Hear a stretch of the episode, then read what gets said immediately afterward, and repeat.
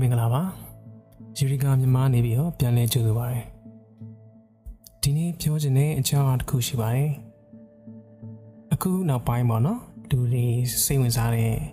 သူတို့ထင်တဲ့ဟာလေးကမမမှန်ကိုကျွန်တော်အကြောင်းအရာလေးနဲ့တိုက်စစ်စေခြင်းတဲ့အကြောင်းလေးတစ်ခုရှိပါတယ်အမ်ဗာလဲဆိုတော့ဒီ Facebook နဲ့ social media မှာနာမည်ကြီးလာတဲ့ celebrity ပေါ့နော်အမ်သူတို့က မရန်အောင်မြင်တဲ့သူတွေပေါ့နော်တခုနောက်ပိုင်းမှာကျွန်တော်ကနာမည်တက်ပြောရင်ကောင်းမလားမပြောရင်ကောင်းမလားကျွန်တော်လည်းစဉ်းစားမရဖြစ်နေမှာနော်အဲထားတော့အရင်နာမည်ကြီးရပေါ့နော်အခုလက်ရှိမှာဒီအမှုပညာလက်ရှိအဆိုပိုင်းနေအသေးဆောင်ပိုင်းနေမှာနာမည်ကျော်ပြီးရဲ့အမှုပညာရှင်တွေထက်ကို influence ပိုလုပ်နိုင်တယ်သူ Facebook မှာဗီဒီယိုတွေတင်လိုက်မယ်ဆိုရင်လူတွေအများကြီးကြည့်ကြရပေါ့နော် အဲ main လေးတယောက်ပေါ့နော်သူရှိတယ်နောက်ပြီးတခြားอืมနည်းနည်းလူတွေကအစဲလေးရှိတယ်သူတွေရှိပေါ့ကျွန်တော်နာမည်ထိတ်မပြောချင်ဘူးအတည်းပါအာနာမည်ကလည်းပြောရင်တော့လည်းချက်ချင်းသိရအောင်အထားပါတော့သူတို့တွေကမြန်မာပြည်မှာတော့သူတို့မြန်မာပြည်မှာသူတို့တွေအရန်အောင်မြင်တယ်ခုဆိုရင်လူတွေကလည်းသူတို့အားကြလာပါတော့သူတို့ကစိတ်ကောင်းရမ်းရှိတယ်စိတ်စင်နာကောင်းပြီးတော့ငါးပါးသီလအဲလုံနေမတချို့လဲ မျိုးမျိုးအတိတ်ပဲဖွင့်နေပေါ့နော်သူတို့စိတ်စေတနာလေးအကြောင်းခုဆိုရင်ရအောင်မြင်တယ်ပေါ့ဒါကိုကျွန်တော်ကန့်ကွက်စရာမရှိပါဘူးဒါကလည်းမှန်ပါတယ်စိတ်စေနာကောင်းမှု honesty and moral ကအရေးကြီးတယ်ပေါ့နော်ဘယ်ကိစ္စမဆိုစိတ်ကောင်းစေနာကောင်းထားမှာအောင်မြင်မှုကပို့ပြီးတော့နှီးဆက်မှာပေါ့နော်อืมဒါပေမဲ့ကျွန်တော်ပြောချင်တာကဒီလူတွေရဲ့စိတ်သဘောစိတ်ပညာပိုင်းဆိုင်ရာ ဒီလိလာထားတဲ့အချက်လေးပေါ့နော်ပထမပြောမဲ့တခုကကျွန်တော်တို့ cringe ဖြစ်တဲ့အကြောင်းလေးပထမဆုံးပြောချင်တာပေါ့နော်အ cringe ဆိုတဲ့စကားလုံးပေါ့နော်ဘယ်ကနေပြီးတော့ဟိုရောက်လာလဲဆိုတာလေးအရင်ဆုံးပြောချင်တာပေါ့ cringe ဆိုတာကလူတိုင်းသိပါတယ် cringy ဖြစ်တဲ့အာဆိုတာမျိုးကဟိုလူတွေပြောရင်ပါလို့ဆိုလဲဆိုရင်အတိပဲတချို့ အတိအကျမသိရမယ်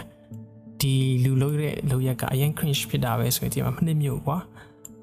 သူရဲ့အတိပဲမူရင်းကပါလဲဆိုတော့လူတယောက်ကထားပါတော့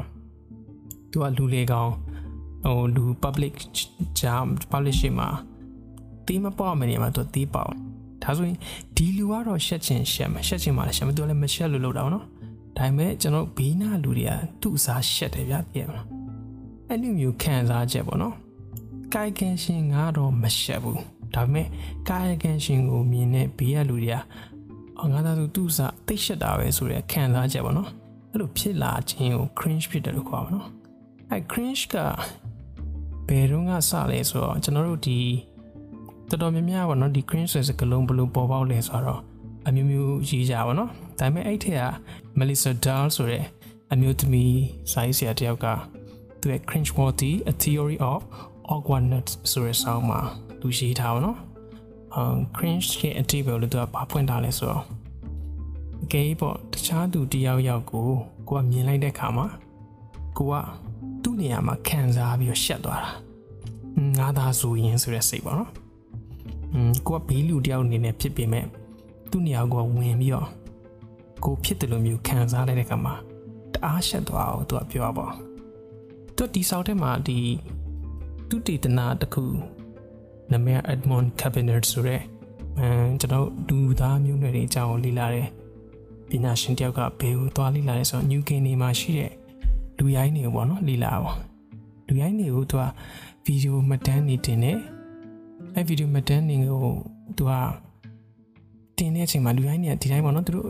ပြုမှုနေတဲ့အတိုင်းပဲသူတို့အဝတ်စားမလုံးတလုံးလေးတွေနဲ့သူတွေနေတိုင်းသွားလာရဟာအကုန်လုံး recording လုပ်ပြီးတော့ တေးကြတော့ငါဒါလေးကသူပြီးသွားတဲ့ video file ကိုအဲ့လူရိုင်းတွေအကုန်လုံးစုပြီးတော့တနေရာမှာသူကပြကြည့်တာပေါ့သူလည်းဘာမှမဟုတ်စိတ်ကူးပေါက်ပြီးတော့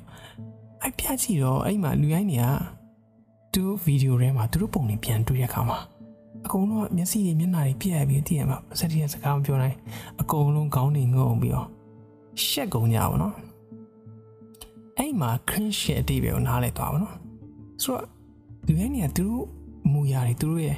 ဒီပုံစံတွေကဘေးလူတယောက်အနေနဲ့ကြည်ရင်ဒီလိုမျိုးပုံပေါက်နေတယ်ဆိုတာသူတို့တစ်ခါမခံစားဘူးဒါပေမဲ့သူတို့ကိုသူတို့ TV မှာပြန်ကြည့်လိုက်တဲ့အခါမှာသူတို့ဟာဘေးလူတယောက်နေရာခံစားရတယ်လို့ဖြစ်သွားတယ်သူတို့ကိုသူတို့အဲ့မှာသူတို့ဒီကာယကံရှင်ကိုစားရှက်တယ်တကယ်တော့ကာယကံရှင်ကသူတို့ပဲသူတို့ကိုသူတို့ရှက်သွားအဲ့မှာ cringe ဆိုတဲ့အထိပ္ပယ်အဲ့ဒါပေါ့နော်အဲ့တော့ cringe ကကျွန်တော်တို့ social media မှာပေါ့နော် အရန်ကိုဟိုဟာပေါ့လူကြိုက်များလာတဲ့ trend တစ်ခုဖြစ်လာပေါ့ဆိုလိုတာကဒီဘယ်လိုမျိုး post ကိုပေးသည်ဖြစ်စီပါနော်ဒီကြီးယူတဲ့သူကအဲ့လိုမျိုးသူစားရှက်လိုက်တာဆိုခံစားချက်မျိုးပေးလေလေအဲ့ post တွေကအောက်မြင်နေလေဖြစ်နေတာပေါ့နော်ဒါက Facebook ရဲ့ဒီ trend တွေကို analytic လုပ်တဲ့အခါမှာတွေ့တော့ဒီ trend တွေအများစုဟာဒီ2019 2020ဒီပေါ့နော်တကြီး အတက်လာချိန်မှာအမြင့်ဆုံးရောက်လာတာက cringe ဖြစ်စေတဲ့ post တွေပေါ့နော်လူတွေကဘာလို့ကြိုက်လဲပေါ့အဲ့ဒီမှာမေးရအောင်လူတွေကဒီ cringe ဖြစ်နေတာကိုဘာလို့လက်ခံနေလဲသူတို့ကဘာလဲသူတို့ကညင်နေလို့လားသို့မဟုတ်ကိုင်ကန်ရှင်တွေကအဲ့မှာပေါ့နော် schizophrenia ဆိုတာကကိုယ့်ရဲ့ဒီရုပ်ရည်တွေမလာဘူးကိုကအတန်တွေမကောင်းဘူးမဲ့ကိုကိုကိုအဟုတ်ကြီးထင်နေတဲ့စိတ်ယောဂတစ်မျိုးတချို့ကလည်းနာမည်တက်တာပေါ့နော် ဒါဖြစ်နိုင်လားပေါ့နော်ဒီ influencer ဖြစ်သွားတဲ့ဒီလိုမျိုးမတော်မနှမ်းလေးတွေလုပ်တဲ့သူတွေပေါ့နော်တချို့ဆိုရင်အတန်သေးတန်ကြောင်နဲ့တချင်းတွေဆိုဟောပြောရရအရှိနောက်မတည့်အပြင်တချို့ဆိုအမူအရာတွေကအရင်ပေါ်တယ်ပေါ့နော်ချက်စီယာကြီးပေါ့နော်အပြင်လောကမှာမလုံးလို့မရှိတဲ့ပုံစံနဲ့သူကလောက်ကြတယ်ဒါတွေကသူတို့ကိုသူတို့အာငါဟုတ်လိုက်ကွာလို့ထင်နေတဲ့သူကရှိရရှိရမှာနော်အာဒါပေမဲ့အဲ့ဟာကို cringe ဘက်ကနေကျွန်တော်ပြန်တွေးကြည့်မယ်ဆိုရင်ဒီ social media ရဲ့ design ကိုကျွန်တော်ပထမနားလည်အောင်လုပ်အောင်ပေါ့ social media ရဲ့ဒီ algorithm တွေကပေါ့နော်ဒီသူတို့ရဲ့ live တွေကအရန်ကိုထိရောက်တဲ့အထက်မှာနံပါတ်1ပါပေါ့ဘာကြောင့်လဲဆိုတော့လူတွေကအချင်းချင်းတရက်စကားပြောရတာကိုပို့ပြီးတော့နှစ်သက်တယ်ဟိုကျွန်တော် live video တွေဖြစ်တဲ့အခါမှာအတူနဲ့ကိုနဲ့တရက်ထိတွေ့တယ်လို့ခံစားလာတယ် အဲ့လိုမျိုးခံစားချက်ကနံပါတ်1ပေါ့နော်အဲ့နံပါတ်1ကဒီ post တွေ video တွေ live တွေလွှင့်တဲ့သူတွေကိုလူတွေကပို့ပြီးတော့ဟိုနှစ်သက်တဲ့ like တွေပေးကြတယ် reaction တွေပေးလာတယ်တာမန်တင်တဲ့ video လေးထက် live video ကဒါတွေကပိုရတယ်ဒါဆိုလူချင်းချင်းဂျိုင်းမှာဘာမှအခုခံမရှိဘူးသူ့ကိုယုံကြည်မှုချက်ချင်းပို့စေဘာလို့ဆိုတော့ तू က live လွှင့်နေဆိုဂျိုင်းမှာလိန်လို့မရဘူးဗောနော်ဒါမျိုး လူတွေခံစားချက်ကယုံကြည်မှုကတူပွားစေရပါဒါကြောင့်လဲ like ဖြစ်စေရပေါ့နောက်တစ်ခုကျတော့ cringe ကောနော်ဒီ cringe မှာကျွန်တော်တို့ကဒီဖြစ်နေတဲ့ဒီခံစားချက်ကကျွန်တော်တို့ကအကေးပေါ့နော်ဒီလိုမျိုးလူသူလောက်တာကြီးကိုမြင်ပြီးတော့ကိုကရှက်တယ်အဲ့ခံစားချက်ကလည်းကျွန်တော်တို့ဘာဖြစ်စေလဲဆိုတော့စိတ်ဝင်စားမှုတစ်ခုဖြစ်စေတယ်ဥပမာကျွန်တော်ကမကြိုက်တော့လဲကျွန်တော်စိတ်ထဲမှာအဲ့ဒါကြီးကောင်းထဲမှာတော်တော်လေးတော့ ကြံနေပေါ့အွန်သူလောက်တာကြီးကလည်းမကောင်းလိုက်တာရှက်စရာကြီးွာငါလည်းမလုပ်ဒါတော်တော်ပေါ်တယ်ဒါမျိုးတွေကစိတ်ထဲမှာအစွဲ attach တခုဖြစ်စေအောင်နော်ကျွန်တော်ဒီ social media ရဲ့အဓိကအချက်ကလည်းဒီ engagement ပေါ့နော် attachment ကိုသူကလိုချင်တာဆိုတော့ဒီ attach ဖြစ်စေတယ်လို့နောက်တစ်ခုကကြတော့လူတွေအောက်မှာလောင်ညရရှိရပေါ့နော်လောင်ညသူတွေကလည်းသူရဲ့စိတ်ခံစားချက်ကပေါ့နော်အာဒီသူတို့ရဲ့ဒီအသုံးအနှုန်းတစ်ခုရှိပါတယ်လူတွေကကိုယ့်ရဲ့ အဲ level reflection သို့မဟုတ် simulation လို့ခေါ်တယ်ကိုနဲ့ဒီနေ့စဉ်လှုပ်ရှားနေအမူအရာတွေပုံစံနေတူလေလေလူကနှစ်သက်စိတ်ပို့ဖြစ်လေဆိုရယ်စိတ်ပိုင်းကဒီလေးလာထားမှုရှိရပါတော့ဥမာကျွန်တော်ကကျွန်တော်နဲ့ behavior တူတဲ့လူကျွန်တော်လိုမျိုးနားလဲတဲ့လက်ခံတဲ့သူမျိုးဆိုရင်ကျွန်တော်ဟာလွယ်လွယ်ကူနှစ်သက်တတ်တဲ့စိတ်ရှိအောင် ဒါကျွန်တော်မဟုတ်ဘူးလူတိုင်းအဲ့ဒီတိုင်းပဲဆိုတော့သူတို့ကပေါ့နော်မြန်မာပြည်မှာကပိတ်သက် fan အများစုပေါ့နော်ရှိတယ်သူတွေရဲ့အပြုမူနေထိုင်ပုံတွေနဲ့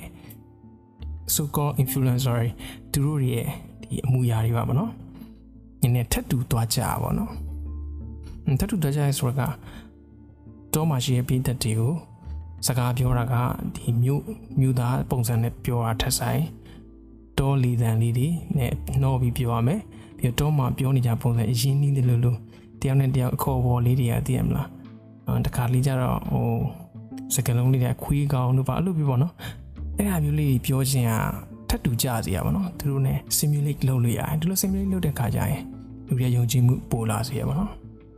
နောက်တစ်ခုကကျတော့အဲ့ cringe ကိုထားပါတော့သူတို့ကနှစ်ခုခွဲမယ်ဆိုရင် compassionate cringe နဲ့ conceptuous cringe ဆိုရှိအောင်နော်အထင်သေးတဲ့လူတယောက်အထင်သေးတဲ့သဘောမျိုးနဲ့စိတ်ကမကြိုက်တာနောက်တစ်ခုကကြတော့လူတယောက်ကိုဂိူးနာစိတ်နဲ့ကြိုက်တာပေါ့ဥပမာအပြင်ကျိုးတွေကဂိူးနာစိတ်နဲ့အဲထားကြတယ်ဆိုတာကတော့သူကအော်ဟိုငယ်သေးတယ်လေအော်သူလောက်တာလေးရလဲဟိုစိတ်စိတ်နာကောင်းပါတယ်လေဆိုတော့ဟိုစိတ်နားလည်မှုလေးအမြင်နဲ့သူဘလို့ပဲရှက်စရာကောင်းတာလေးလုပ်ပါစေပေါ့နော် ဟိုနှစ်သက်မှုထားပြီးတာပေါ့။ဒါကိုကြတော့ compassionate cringe လို့ခေါ်ပါ။ conceptual ကကြတော့ကျွန်တော်ပထမပြောခဲ့တယ်ပေါ့။မကြိုက်ဘူးဒါပေမဲ့မကြိုက်တာလည်းစိတ်ထဲမှာတော့နည်းနည်းလေးအမှတ်သားဖြစ်သွားတယ်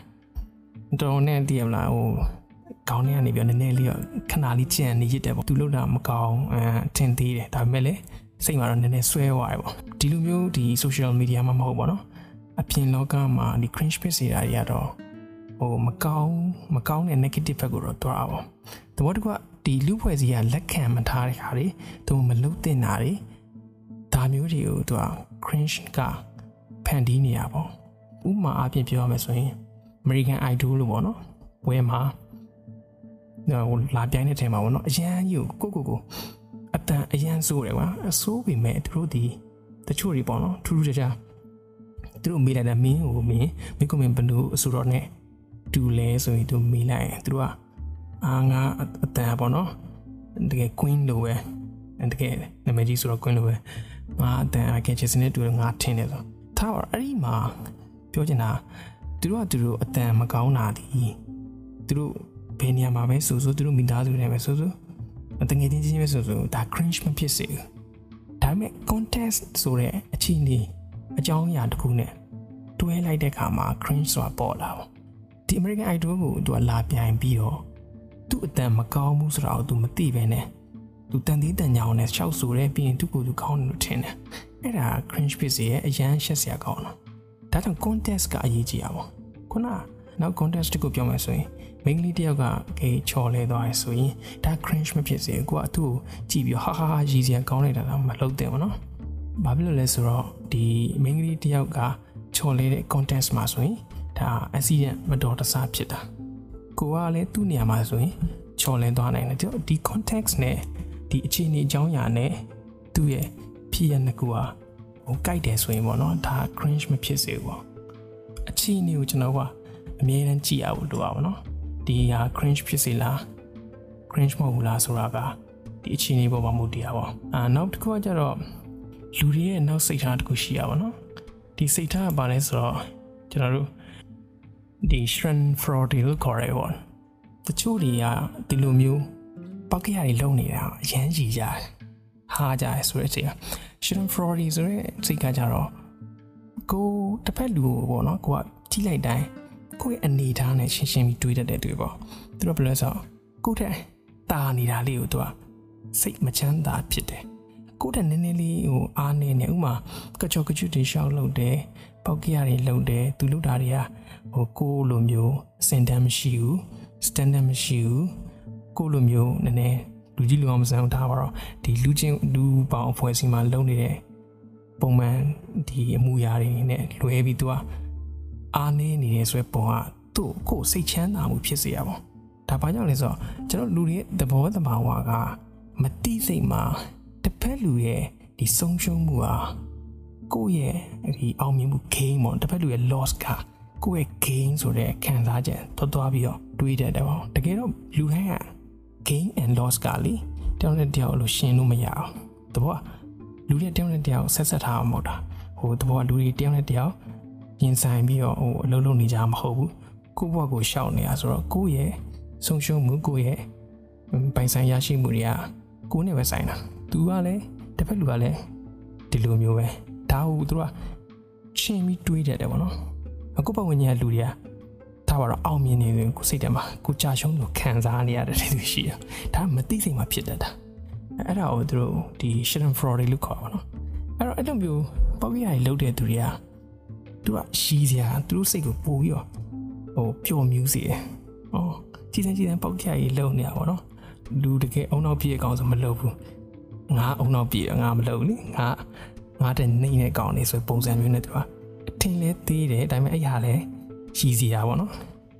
အနေနဲ့မြင်လိုက်တော့တခါကျတော့အဲ့ influencer ဆိုကောရီပေါ့နော်သူတို့ရှီလှောင်းနေဆဲကြအတီဖြစ်လာပါတော့ဒါကြတော့အဲ့တော့ conceptual ဖြစ်သွားပါဘယ်လိုလဲဆိုအရင်အထင်သေးတဲ့အပြင်သူတို့ဟာဒီဆဲဆိုမှုတွေနဲ့ထိုက်တန်တဲ့အပြစ်ပေးတဲ့နေဆိုတဲ့ ဒီခံစားချက်တွေဝင်လာတဲ့အထိဖြစ်သွားပါဒါကြတော့ cringe တဲ့မှာအဆိုးအဝါဆုံးဖြစ်တဲ့သူအဲ့ဒါဆိုဒီလူကိုဆဲမယ်ဆဲမယ်ဆိုတဲ့ပုံစံဖြစ်တာပေါ့ဒါပေမဲ့ social media design တို့ကအဲ့လို conversation တွေဆဲတာတွေဆိုတာတွေဟာလူတွေရဲ့ reaction တွေလူတွေရဲ့ဒီ viewer တွေကိုပို့တိုးသွားစေအဲ့တော့အဲ့ဒီကနေပြီးတော့သူတို့ကပို့ပြီးတော့ viewer တွေများလာတယ် viewer များလာရင်သူ algorithm ဒီ suggested ပေါ့နော်သူတို့နောက်တခြားသူမကြည့်ရသေးတဲ့သူတွေကို ကြည့်ပြီးဖို့ automatic သွားသွားပြီးတော့လုံဆော်ပြီးရသွားပြီးတော့သူတို့ရဲ့ screen မှာသွားသွားတက်တယ်အဲ့ဒါလည်းတစ်ဆင့်ထပ်ပြီးတော့ပို့ပို့ပြီးပွားစေတယ်ဒီဒီဒီ algorithm လေးကနည်းနည်းလေးကျွန်တော်တင်တာပြောရင်တော့တခုခုတော့လုံးမရမှာနော်သူတို့အဲ့ဒါတွေကဒီဒီအကျန်းကိုဒီကဘာအနှံ့ထားပါကျွန်တော်ဟိုတနေ့ဆိုရင်ကျွန်တော်ယုံရတော့နော်သူက Singaporean တယောက်သူရဲ့ဒီ suggestive Facebook တက်သူကြည့်နေမှာနော် suggestive video မှာအဲ့မြန်မာပြည်အဲ့လိုပေါ့ပေါက်တက်ကရမတော်မနှမ်းနေလောက်တဲ့သူရဲ့ video ဖုံးသူတက်လာဘာကြောင့်လဲသူ viewer အများများတယ် region ကကျွန်တော်ကစင်ကာပူနဲ့မြန်မာပြည်နီးစပ်နေတော့ဒီမြန်မာပြည်ကပေါက်ကရတွေကသူကြည့်ပြီးကြောင်သွားပါဘာတွေလုပ်နေရလဲဘသူတွေလဲပေါ့နော်တကယ်တော့ဒါတွေကလေကျွန်တော်တို့ဟိုကမ္ဘာမီဒီကမ္ဘာကြီးကဒီ internet ဆိုကမ္ဘာရွာဖြစ်နေဆိုတော့အလုံးချိတ်ဆက်ထားတော့ကျွန်တော်တို့ကအញ្ញမ်းကြီး cringe ဖြစ်စီဟာတွေနဲ့ဒီ viewer တွေများမယ် influencer ဖြစ်တယ် local ရကျွန်တော်တို့ကဟိုဝင်ငွေရှာနိုင်ကြပါတော့ဒါပေမဲ့ကဘာနဲ့ရှိတဲ့ standard မှာတော့ကျွန်တော်တို့ဟာကသူတို့စီမှာ footprint ပေါ့ digital footprint ပေါ့ record တွေရှိမယ်ဘေးချင်းကြီးပေါ့နော်မြန်မာပြည်ရဲ့လူရဲ့လုံရက်တွေအကုန်လုံးတကယ်ဒီလူဖွဲ့စည်းရဲ့ပုံမှန်နေတိုင်းတွာလာနေတဲ့ standard နဲ့ညီလား သူတို့အမူအရာတွေကဒီအုံနောက်ပြည့်လူတယောက်ပုံစံဖြစ်လာဆိုသူတို့အနေနဲ့ feedback တွေရောပေးနိုင်တာပေါ့နော်သူတို့မြင်နေဆိုရင်ဩသူတို့ကဒီလိုကြီးလားဆိုတာပေါ့နော်ဒါကိုကျွန်တော်ကတခါရစိတ်ထဲမှာတွေးမိရအောင်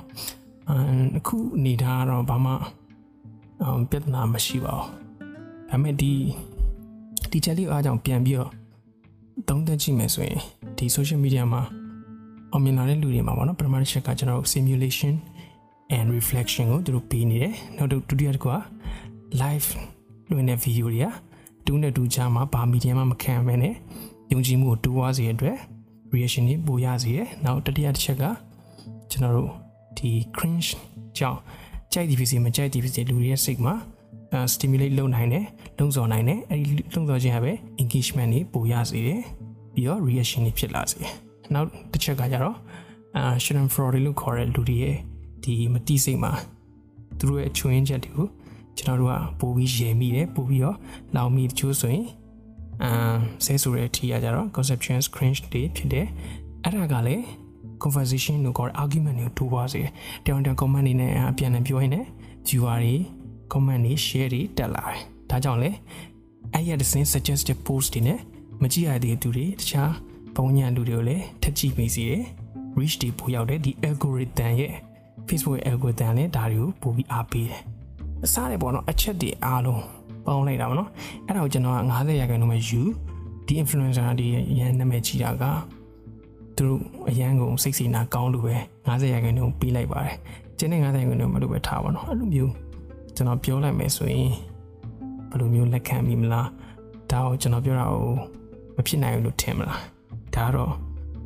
ကိုယ်တိုင်ဆုံးဖြတ်ကြည့်ပါတော့ဒါတော့ကျွန်တော် ကျွန်တော်ဘက်ကကျွန်တော်ရဲ့ပုဂ္ဂလိကအမြင်လို့လဲပြောချင်ပြောလို့ရပါတယ်ဒါပေမဲ့ဒီမြင်ကနေပြီးတော့နည်းနည်းလေးစဉ်းစားစရာလေးဖြစ်သွားမယ်ဆိုရင်ဘာဖြစ်ပြောအကျိုးရှိမယ်လို့ကျွန်တော်ယုံကြည်ပါတယ်အဲ့တော့အားလုံးပဲဒီနေ့တော့ဒီလောက်ပါပဲနောက်တစ်ခေါက်မှလည်းတခြားအကြောင်းအရာလေးတွေပြောပြီးတော့ဆုံးတွေ့ပါအောင်မယ်အားလုံးပဲကျေးဇူးတင်ပါတယ်